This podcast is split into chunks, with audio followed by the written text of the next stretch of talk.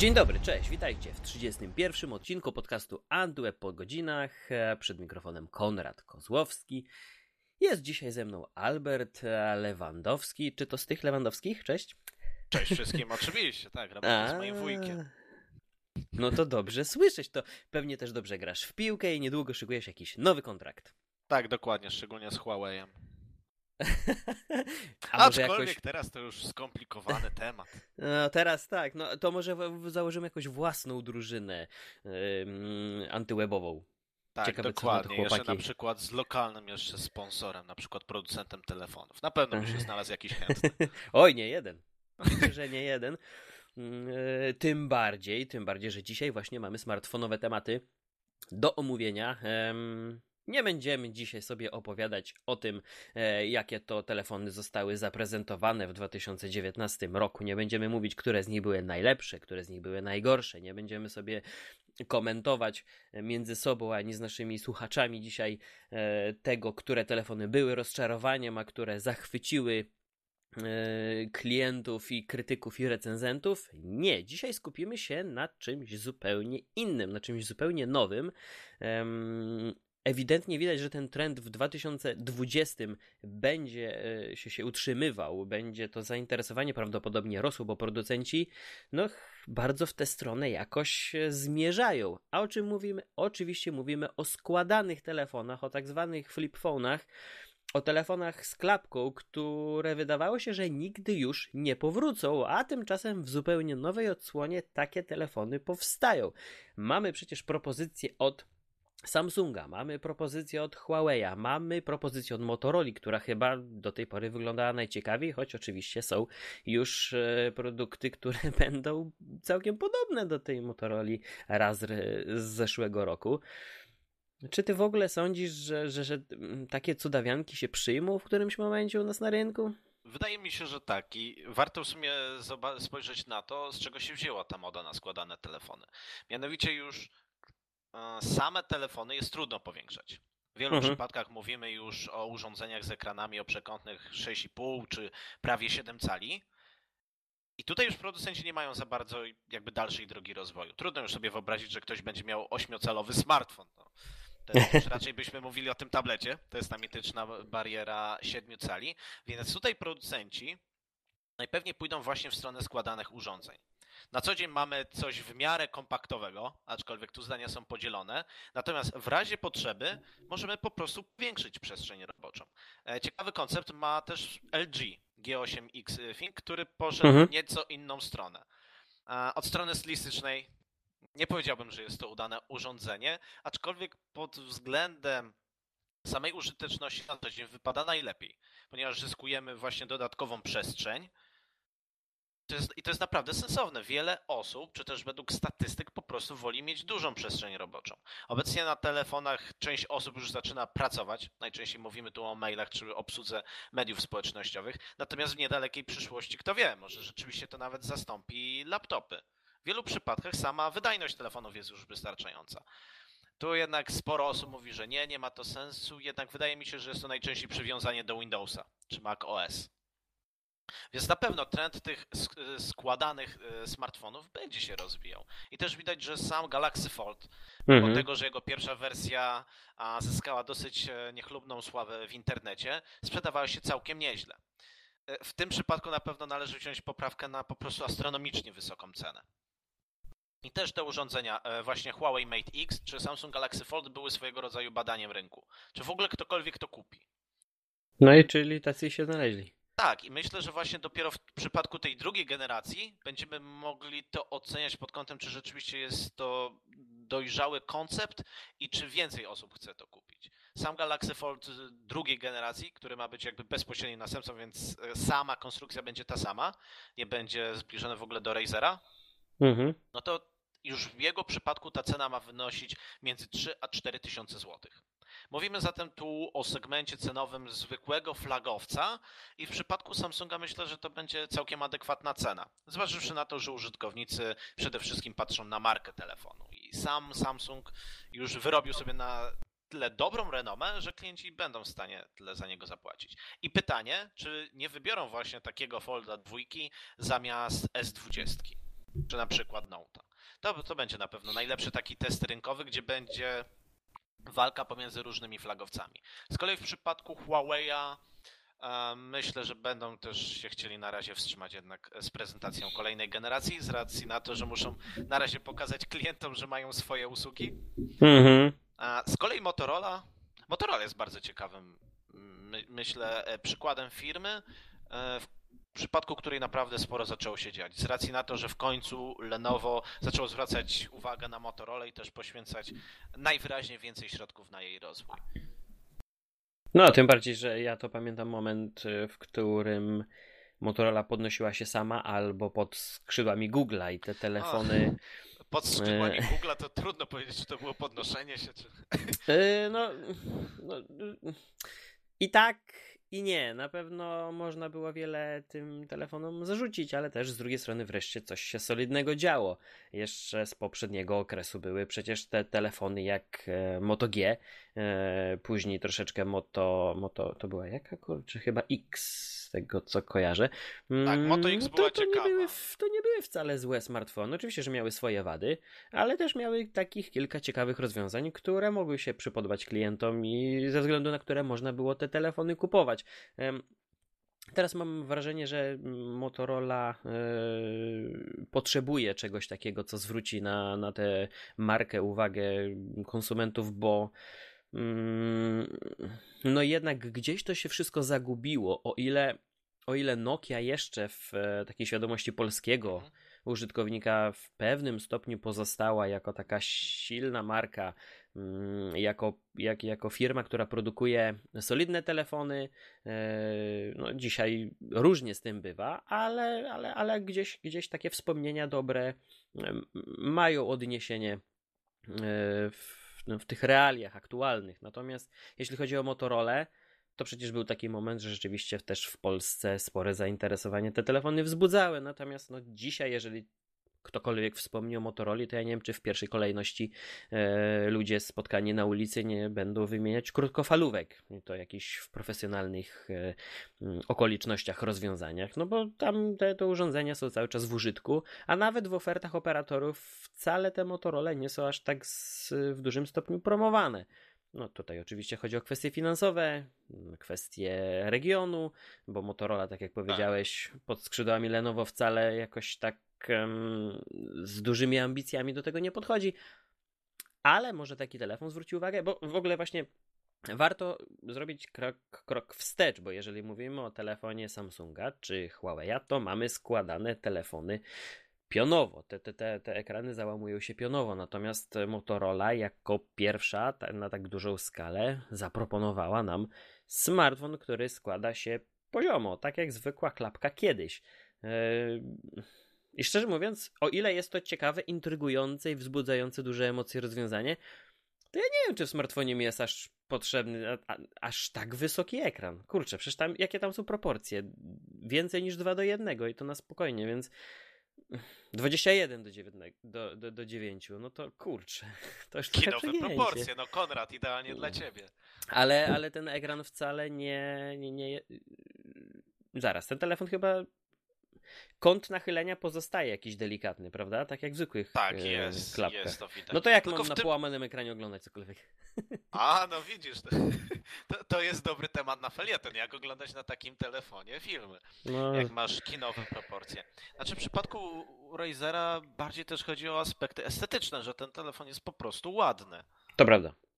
Więc myślę, że Motorola to zrobiło, zrobiła po prostu taki test rynkowy i przede wszystkim celuje z tym telefonem, jeżeli chodzi o jego aspekty wizualne. Z kolei praktyczne, wątpię, żeby ktoś kupował ten telefon z uwagi na to, że może na nim zrobić coś więcej niż na standardowym. Zważywszy właśnie na ten dosyć specyficzny ekran, mhm. że mimo wszystko pozostaje to załamanie. Ale wygląda ładnie, więc. A wydaje mi się, że część telefonów jest e, też właśnie z tego względu kupowanych. No tak, ale jeszcze. Mhm. E, no, właśnie miałem powiedzieć, że mamy jeszcze tą trzecią kategorię, e, tak jak wspomniałeś wcześniej o LG, które ma po prostu dwa niezależne ekrany.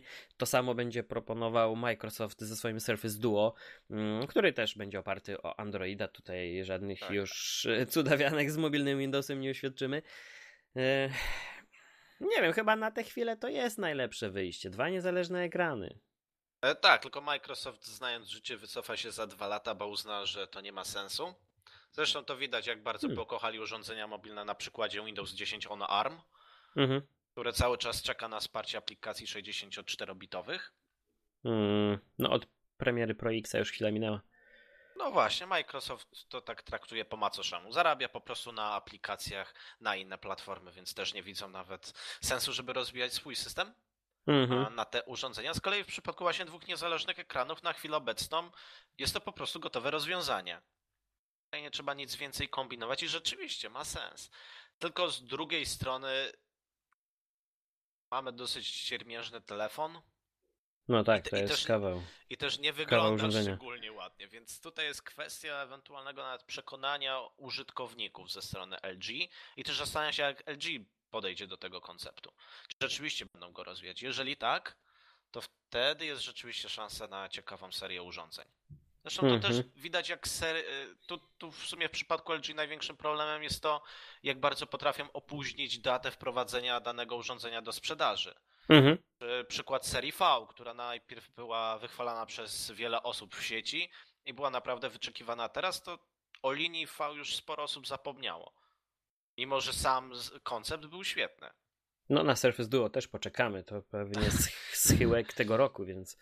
E, Surface, linia Surface te- też jest dosyć specyficzna. Zresztą jak wszystkie propozycje smartfonowo-tabletowe z Microsoftu. To jest zawsze specyficzne, plus trudno powiedzieć, jak Microsoft będzie do tego podchodził.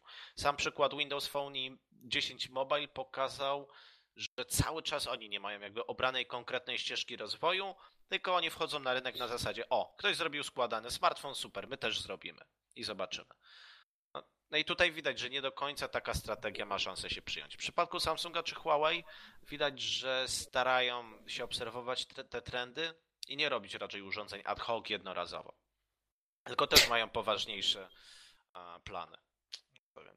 No tylko tu jest kwestia, że dla Samsunga czy Huawei ten rynek jest kluczowy. Z kolei dla Microsoftu forma rozrywki lub uzupełnienia biznesu.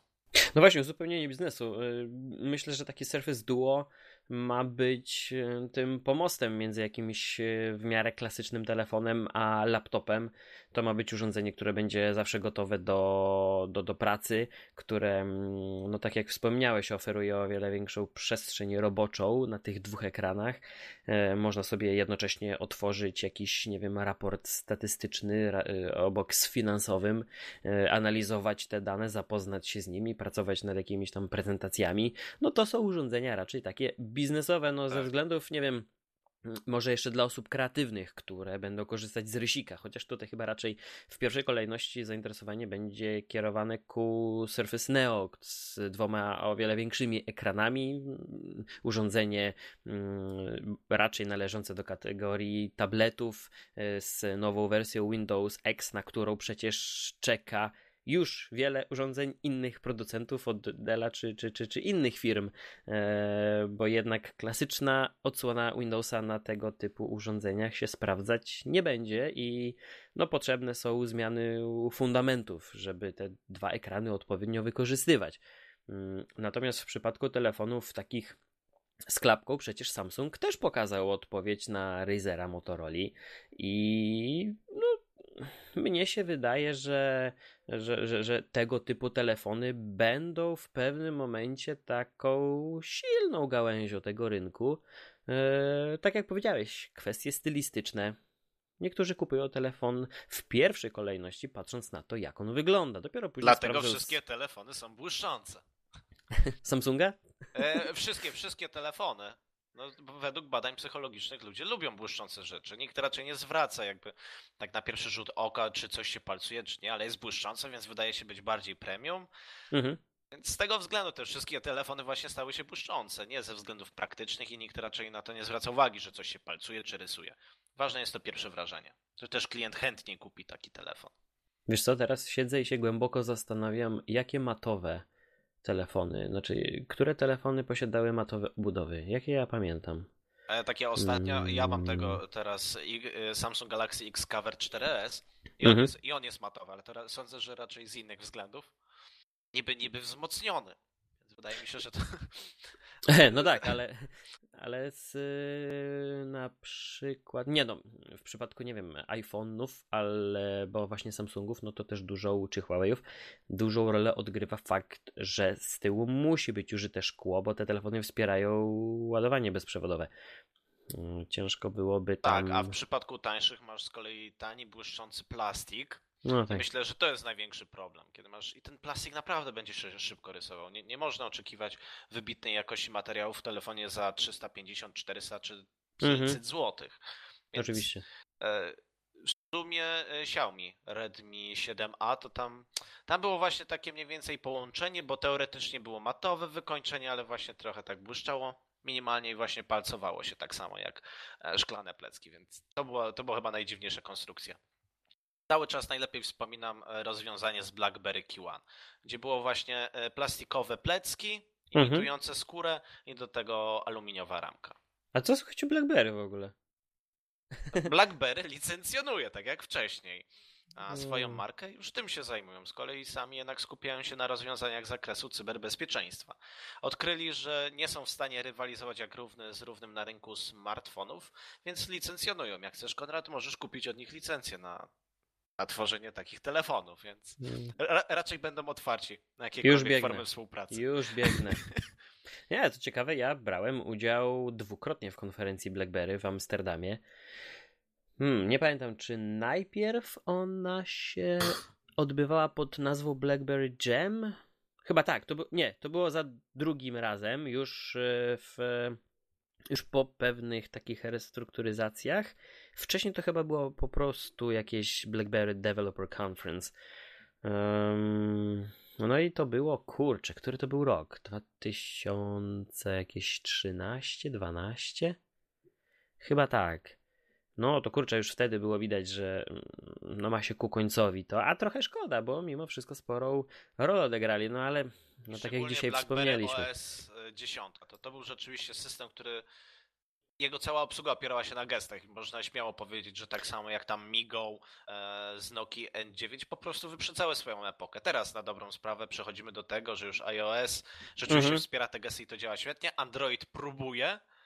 Mhm. Z kolei w przypadku tamtych systemów było to już dostępne. To był chyba rok 2012 BlackBerry tak Z10 i Q10. Tak mi się wydaje, to były naprawdę dwa fajne telefony. To w momencie w dniu pokazania ich na scenie już się nimi bawiłem chwilę później e, poza, poza salą konferencyjną. No i kurczę, pamiętam, że Q1 no, to był też okres, kiedy w ogóle fizyczne klawiatury w telefonach e, były czymś pożądanym przez całkiem sporą część e, społeczeństwa. Ja pamiętam, jak mm, mieliśmy serię Xperia Pro telefonów i tych mini, i tych większych, e, no zainteresowanie i mm, oczekiwania wobec takich telefonów były całkiem spore. W ogóle przecież dużo osób nie wyobrażało sobie wprowadzania tekstu za pomocą ekranu. Oni muszą mieć przyciski, tak samo jak w laptopie, jak na komputerze. Pod kciukiem ma to być wyczuwalne. I, i no taki telefon pół na pół z fizyczna klawiatura i dotykowy ekran. Szczególnie, że te gesty rzeczywiście mm, już wtedy działały całkiem przyjemnie. No, to była ciekawa inicjatywa, idea. E, szkoda tylko, że ten system podzielił los e, na przykład Windows 10 Mobile, gdzie największym problemem i wyzwaniem okazało się wsparcie deweloperów i przygotowanie aplikacji. E, chyba ten taki duopol mm, już wielokrotnie, zbyt wiele razy przekonaliśmy się, że jest nie do złamania w przypadku rynku mobilnego. Tutaj Ale już nic ciekawego się nie, nie, nie wydarzy. Chwilowo tak, ale jeszcze wracając do tych fizycznych klawiatur, kiedyś mhm. właśnie ekrany były dużo mniejsze i też mniej precyzyjne. A w przypadku urządzeń, które mają ekrany o przekątnej powyżej 5 cali, wprowadzanie tekstu za pomocą dotykowego panelu jest już po prostu wygodne, więc też e, sens korzystania z fizycznej klawiatury jest dosyć wątpliwy. I to też no tak. mówię z racji na to, że jeszcze sporadycznie korzystam właśnie z BlackBerry Q1. Wow. Tak, dobry jako drugi telefon jakoś właśnie nie widzę już nawet potrzeby. Nie powiedziałbym, że jest to szybsza. W porównaniu właśnie do. No jakie tam aplikacje działają? BlackBerry Q1 to jest normalnie Android 8.1. A, bo zaraz, bo ja pomyliłem z. Kurczę, jak się nazywa? Z Q10. To był Q10, tak? E, z którym? Bo to jest ten właśnie pół już na pół. wpisuję, wiesz co? Tylko Q1 ma ten problem, że trzeba na nim robić co 2-3 miesiące przywracanie do ustawień fabrycznych. Okay. E, tak, tak, to był t- Q10 z OS, z OS, OS 10. Mhm. To ja mówiłem o tym poprzednim. Rzeczywiście, tutaj z Androidem już jest na pewno o wiele Tak, lepiej. tylko tu też jest problem, że już nie jest aktualizowany. I tak się właśnie zastanawiam. Nie, pojawiają się też łatki bezpieczeństwa. Mm. No i i w przypadku BlackBerry jednak jak ktoś się decydował, to właśnie z racji na tą magiczną otoczkę. Mhm, mhm. A jak No to tak, wygląda w praktyce, legenda. to już inna sprawa. no ale do rozmów, do SMS-ów, czemu nie? No właśnie, dobry. Jednak pod, pod tym względem zapewnia naprawdę dobrą jakość rozmów, a wiele producentów o tym zapomina. Tylko, że z drugiej strony coraz mniej rozmawiamy przez e, telefon. Mm, Raczej komunikatory to już tu przyjmują, więc no, to tak jak będziemy generalizować, to tak, ale... statystyki, no, No dobrze, no niech będą statystyki. Statystycznie telewizja też e, traci, a jednak daleko, jeszcze naprawdę daleko do tego, żeby telewizja upadła i została zastąpiona przez VOD. Zresztą nigdy nie będzie, bo transmisja Tak. na żywo przez internet to też jest telewizja, więc e, po prostu sposób od, odbioru. tak, to się zmienia w różnych inny. Plus jednak do, producenci chcą się dostosowywać do tych grup, które najczęściej zmieniają telefony, więc Mhm. No, ten trochę sposób. szkoda. Ale czy BlackBerry, czy Nokia, Motorola. O, a niedawno jeszcze wykopałem taką firmę jak, uwaga, Kodak. Też pokazali swój smartfon fotograficzny. E, oczywiście recenzje nie były mu zbyt przychylne. Stwierdzono, że Kodak powinien pozostać przy przygotowywaniu mm, po prostu aparatów. I jeżeli to byłby aparat, tak jak swego czasu zrobił Samsung z Androidem, ze wsparciem wszystkich tych aplikacji, bez, e, bez no, projektowania urządzenia, które ma przypominać telefon, a raczej urządzenie do robienia zdjęć z dodatkowym wsparciem dla aplikacji e, z Androida, to, to mogłoby być czymś ciekawym. Ten Samsung, nie pamiętam jak on już się nazywał, ale Samsung Galaxy S4 Zoom, Zoom? To był Zoom? y, na, Zoom, bo była potem jeszcze Galaxy K Zoom. Aha, no właśnie, ale, ale to też taka fajna ciekawostka. No i to są takie firmy, które no, trochę łezka się wokół tak zakręci, jak się o nich pomyśli. No w przypadku Kodaka też nie, nie było nawet szans, że sami będą w stanie rzeczywiście zaprojektować, tylko najpewniej kupią już gotowy projekt u któregoś z chińskich podwykonawców. No tak, oczywiście. Ale nawet w przypadku jak Red, znany producent kamer filmowych, Mhm. więc wszyscy spodziewali się, że zaprezentuje coś niesamowitego. No i w sumie na tych zapowiedziach się skończyło. Te egzemplarze testowe, które się pojawiły, zebrały bardzo negatywne noty. Z racji też na to, że wszyscy mieli ogromne oczekiwania. I sam Red pompował cały ten balonik, że stworzą idealny smartfon do robienia zdjęć i nagrywania filmów. Czy Nokia 9 PureView.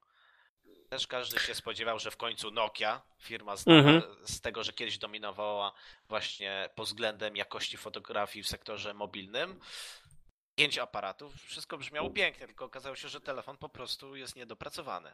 Teraz A ma pamiętasz? sens w tej cenie, co jest. To ile teraz? A teraz chyba 1200 zł, 1300. Wow. Tak, utrata wartości w stylu LG. No wiesz co, no takim wypomnieć. A co do PureView, no to przecież jeszcze mieliśmy ten poprzedni model e, z Windowsem. To był Lumia dopiero 1020. telefon. Ach, coś pięknego. Tak, to Coś dalej. pięknego. To jest, to jest w sumie kultowy model. Sądzę, że on będzie utrzymywał swoją cenę. Bo mimo, Pomimo Windowsa? nie ma rzeczy idealnych. Sobie A bezpie... nic... bezpieczny system, już tam nic prawie się na niego nie wgra, więc No tak, trochę jak e, z macOS-em. Na, na to po prostu nie ma już wirusów. O, tutaj, tutaj zdania mogą być podzielone odnośnie zagrożeń, ale w przypadku Windowsa Mhm. No to też już jednak system, który upadł. Zresztą widać, że klienci nie oczekują tych więcej systemów do wyboru. Mamy jeszcze w sumie Sail, Sailfisha, Ojej. który się Nie rozwija, ale znaczy podpisali umowę z którymś z producentów w Rosji, więc my być może przy wsparciu rządu. Rządowym. Właśnie, no, żeby to, właśnie nie wiem, czy nawet nie podpisali z administracją, żeby dostarczać już rzeczywiście sprawdzone przez tamtejsze służby urządzenia. Więc dla nich jest to jednak droga do przetrwania, natomiast sami klienci nie będą chcieli decydować się na coś, czego nie znają, szczególnie, że mają do wyboru dwie zaufane platformy. Tak samo jak w przypadku e, rynku samych e, komputerów. Są dwie siły dominujące w przypadku komputerów klasy PC, czyli mamy Windowsa i macOS. Do tego dochodzą dystrybucje Linuxa. Jednak no, jest Myślę, że... niewielka część rynku. Niewiele osób chce mieć coś innego. No to nie, no i Linuxem to się zainteresują osoby albo naprawdę głęboko siedzące w tej,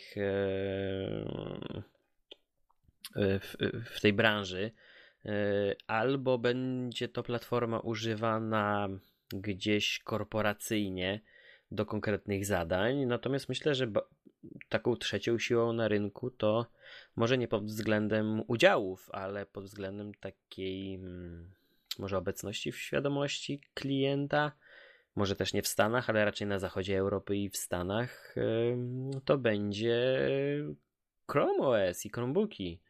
Mimo wszystko na tym rynku edukacyjnym to i Microsoft i Apple, dosłownie mówiąc, nieźle dostali po dupie od Google'a i robią teraz wszystko, żeby to odwrócić. Ale w, wcale nie słyszałem w ostatnim czasie żadnych e, wieści, żeby, te, żeby ten udział w rynku tam jakkolwiek znacząco się zmieniał. To racja, jeszcze mamy właśnie Chrome OS, który jest ciekawą alternatywą na tanie laptopy. Mhm. Tylko tu właśnie dochodzimy do tego, ile osób jest na razie zainteresowanych, bo cały czas widzę być może to jest moja bańka, ale że dużo osób chce mieć Windowsa lub macOS, bo, bo już go znają, a Chrome OS to tylko przeglądarka, czy po prostu nie ufają, że to jakiś Chrome.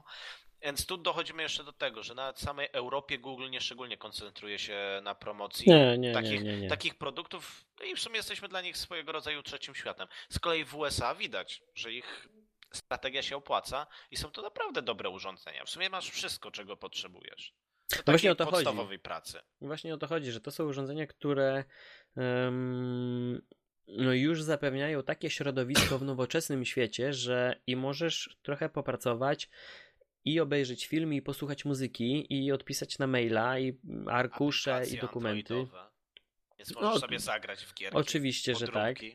Yy, no, ale, ale, ale coś się dzieje I, i tutaj mimo wszystko mm, ta trzecia siła tak delikatnie podgryza tych dwóch rywali, natomiast jeśli chodzi o rynek mobilny, no tutaj ja tego nie widzę. Przecież mieliśmy te różne wytwory typu Firefox OS i, i tak jeszcze, dalej. Jeszcze żyje przecież, to jest KaiOS, to ewoluowało, więc poszło w stronę feature phone'ów.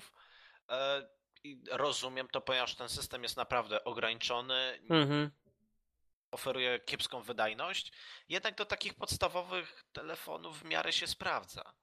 No tym bardziej, że nawet na takich klasycznych telefonach już użytkownicy oczekują obecności Messengera albo Whatsappa.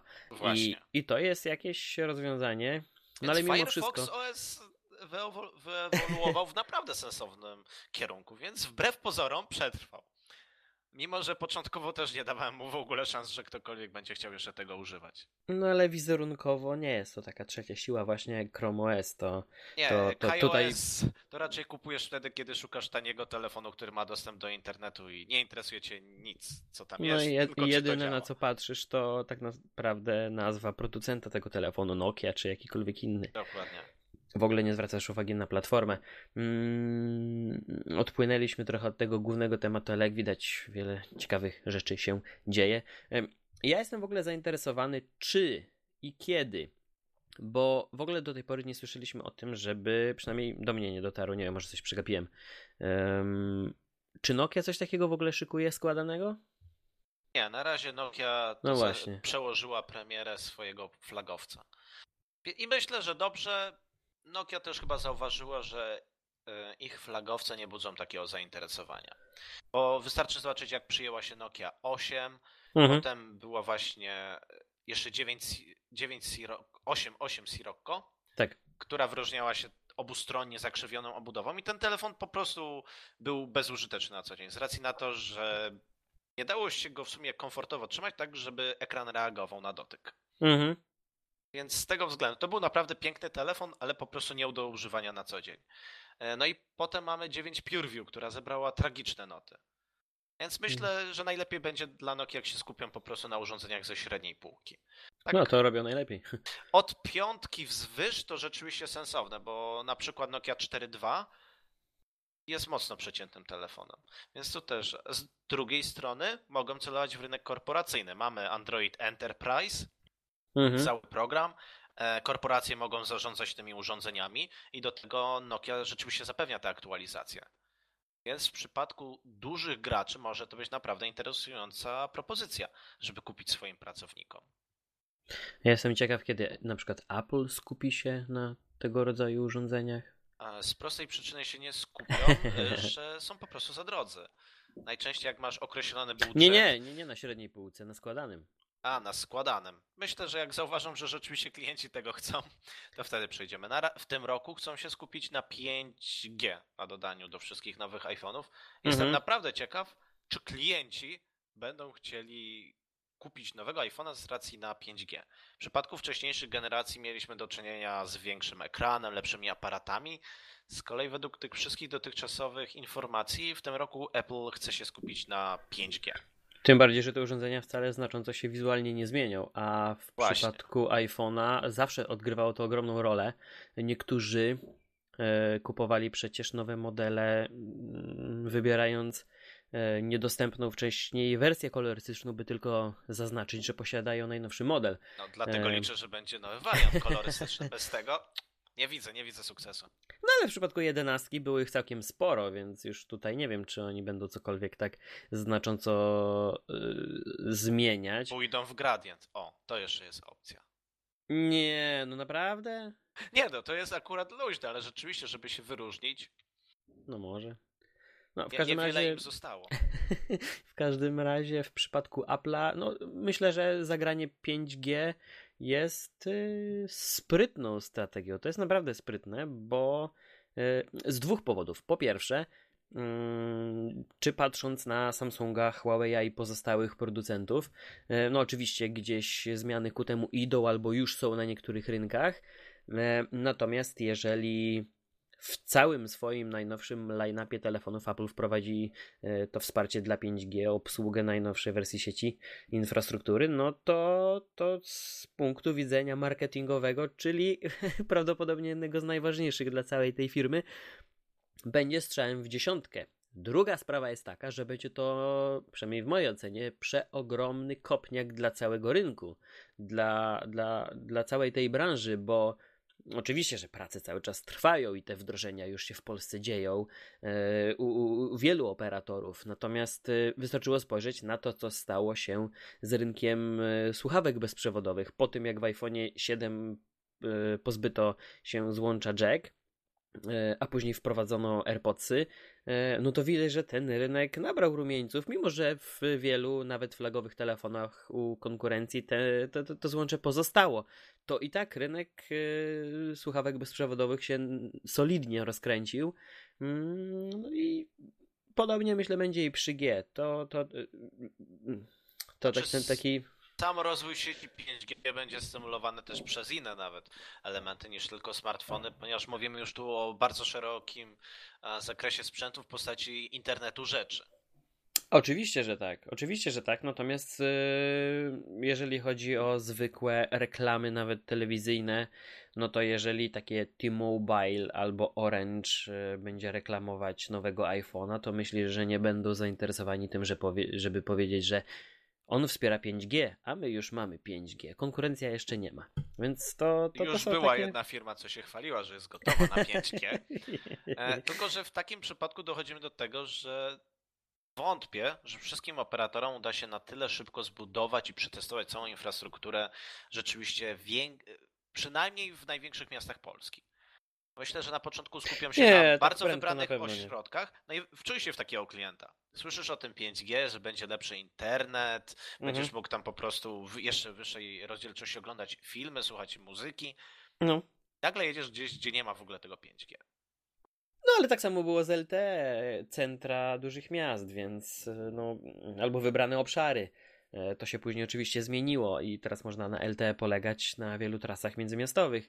E, ale, ale to, to jest coś silnego. Przecież też iPhone 5 wprowadzający LTE mm, i to na wielu częstotliwościach, no był jednym z tych pierwszych telefonów i no później starano się podgonić całą tą infrastrukturę.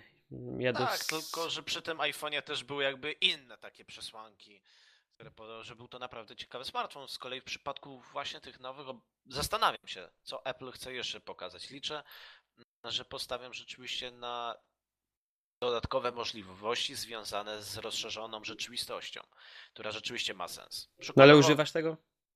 Ale właśnie tutaj jeszcze nie ma jakby takich sensownych aplikacji. Moim zdaniem genialnym przykładem pozostaje aplikacja IKEA, czyli że jesteś w stanie od razu tak, sprawdzić, tak, czy tak, dany tak, tak mebel tak i mniej więcej, żeby to w tą stronę poszło. Plus mamy cały rynek e-commerce, który może z tego skorzystać. To jest właśnie wiele zależności.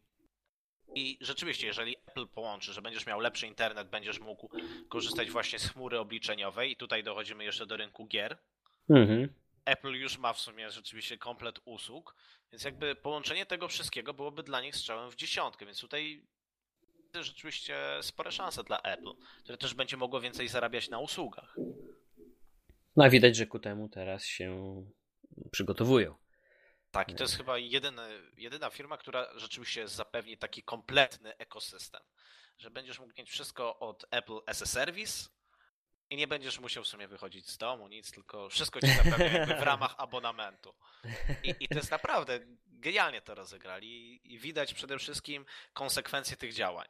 I tutaj popatrzmy na taki Microsoft, który ma jakby punktowe działania i trudno na razie zobaczyć, w którym miejscu to się łączy. A u Apple'a możesz mieć iPhone'a, iPada, MacBooka, AirPodsy, do tego wszystkie usługi od nich i to będzie naprawdę też sensownie działać. No, Apple po prostu nie jest tak e, silnym e, graczem na rynku biznesowym. Oczywiście, naturalnie, że cała duża, e, cała ogromna rzesza użytkowników różnego rodzaju, czy to w takich obszarach kreatywnych, czy czysto biznesowych, sięga po, po urządzenie Apple.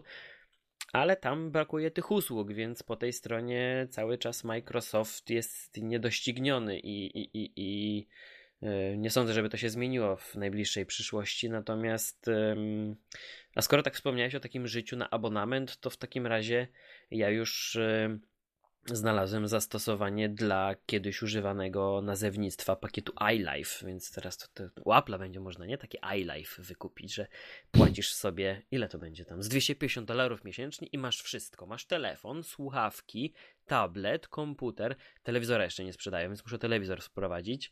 Myślę, że po mm. prostu na początek się dogadają z inną firmą. Sony pokazało samochód, więc e, teraz Apple powinno pokazać samochód. Już się e, wycofali z tego, to były prace, ale jednak się z tego wycofali. Myślę, no że, dziwnego. Myślę, że dla nich dobrze, ponieważ sektor motoryzacyjny rządzi się zupełnie innymi prawami i widać też, że samochody autonomiczne to jednak pieśń tak kolejnych dopiero pięciu lat. Mimo wszystko rozwój jest dosyć powolny i kolejna sprawa to aspekty prawne. No ale o tym, jak e, trudne jest wejście na nowy rynek, pokazuje też premiera Apple TV bo o ile Apple Music um, trudno nie nazwać sukcesem, skoro usługa przegoniła Spotify na terenie Stanów Zjednoczonych, a e, na całym świecie stała się drugą e, usługą muzyczną zaraz za Spotify i pewnie na kilku rynkach nieźle dogryzają Szwedom, Amerykanie. Natomiast e, no, przy Apple TV Plus sytuacja była nieco inna, bo tutaj ten rynek jest bardziej zróżnicowany, rozproszony. E, konkurencji przybywa, to się rządzi zupełnie innymi prawami.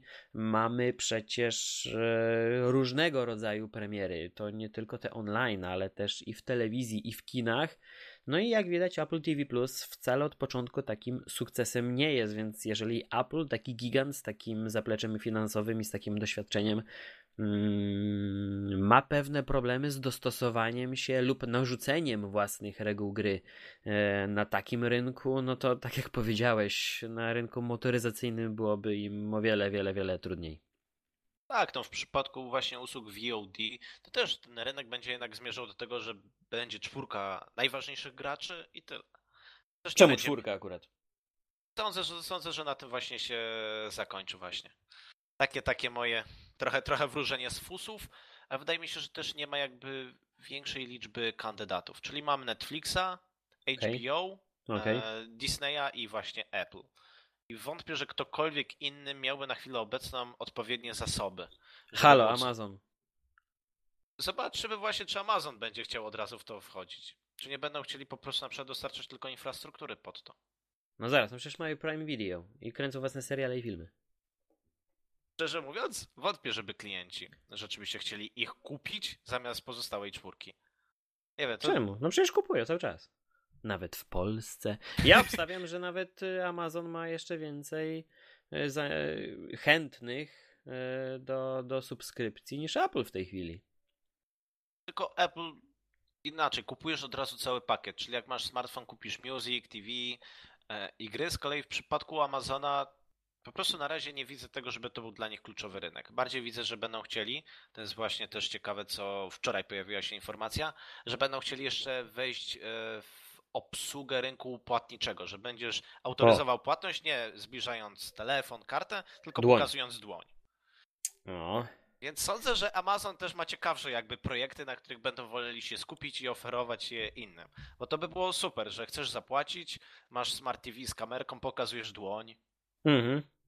i już. Więc to jest jeszcze właśnie też ciekawe, w którą stronę to pójdzie.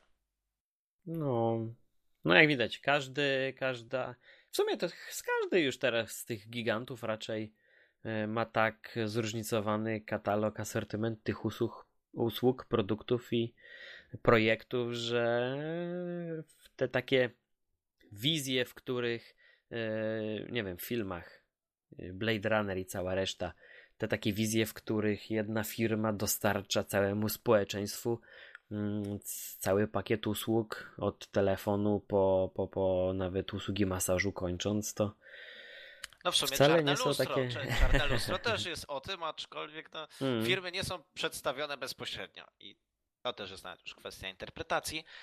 E, Z kolei tak, na chwilę obecną widać, że właśnie wszystkie firmy dążą do tego, żeby Mhm. zapewniać wszystko jako usługa.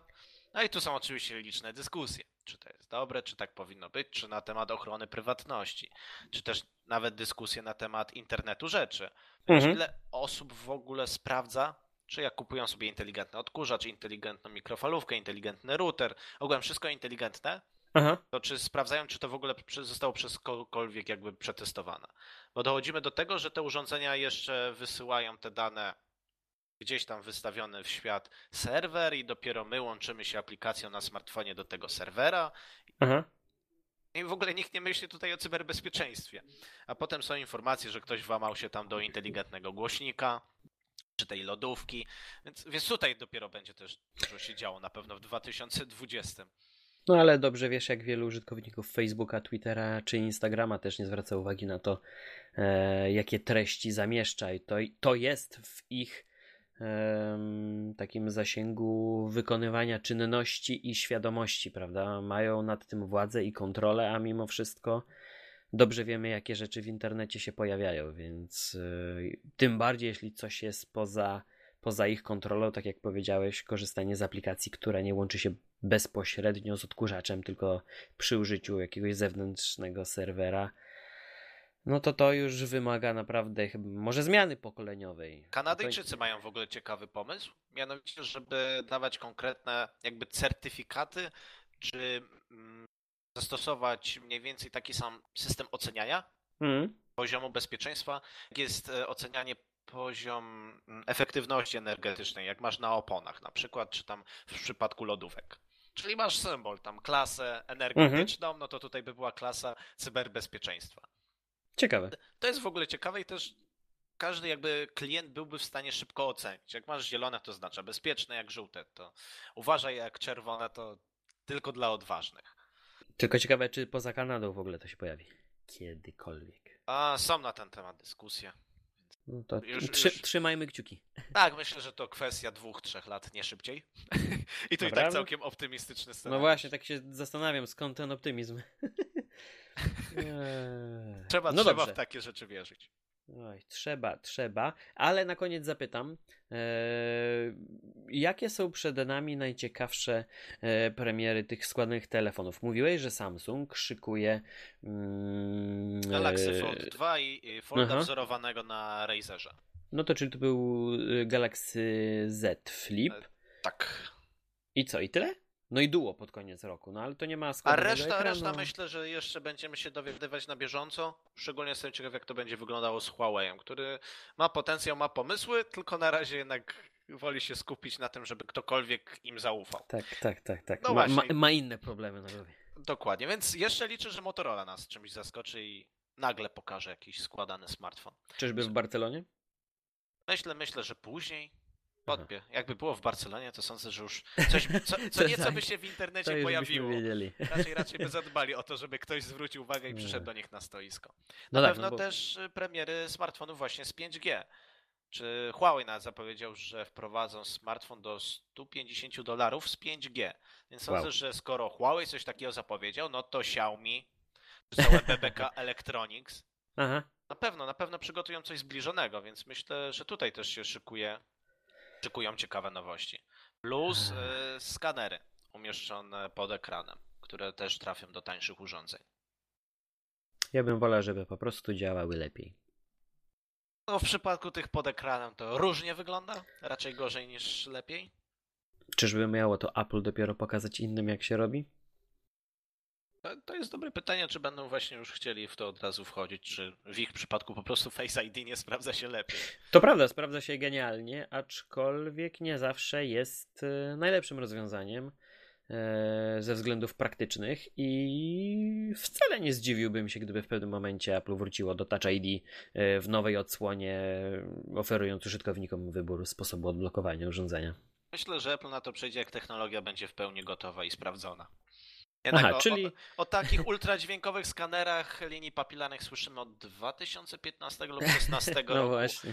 Więc myślę, że to najlepiej pokazuje, że cały czas są problemy z tą technologią, żeby ją dopracować. Aha, czyli czekamy na to, aż Apple będzie klasycznym Apple, czyli nie będzie pierwszy, a przyjdzie i zrobi najlepiej. Tak, a potem reszta odgapi. I będzie lepiej dla wszystkich. Eee, no to ładnie, żeśmy podsumowali. Tutaj Huawei, Samsung, Motorola się starają, a i tak czekamy, aż przyjdzie Apple i pokaże całej reszcie, jak się robi. No wiesz co. Historia, historia zatacza koło. A to prawda. To prawda. No dobra, no to co? To będziemy czekać. Barcelona za chwilkę, Mobile World Congress przed nami, później następne premiery, pewnie nowe piksele, e, nowe iPhony, nowe Surface'y. Będzie na co czekać, więc e, pewnie się będziemy słyszeć niedługo i będzie można nas posłuchać. Słuchajcie, będziemy kończyć. Dzięki serdeczne Albert za obecność w podcaście e, i do usłyszenia już wkrótce, niebawem. Trzymajcie się. Na razie. Hej. Hej.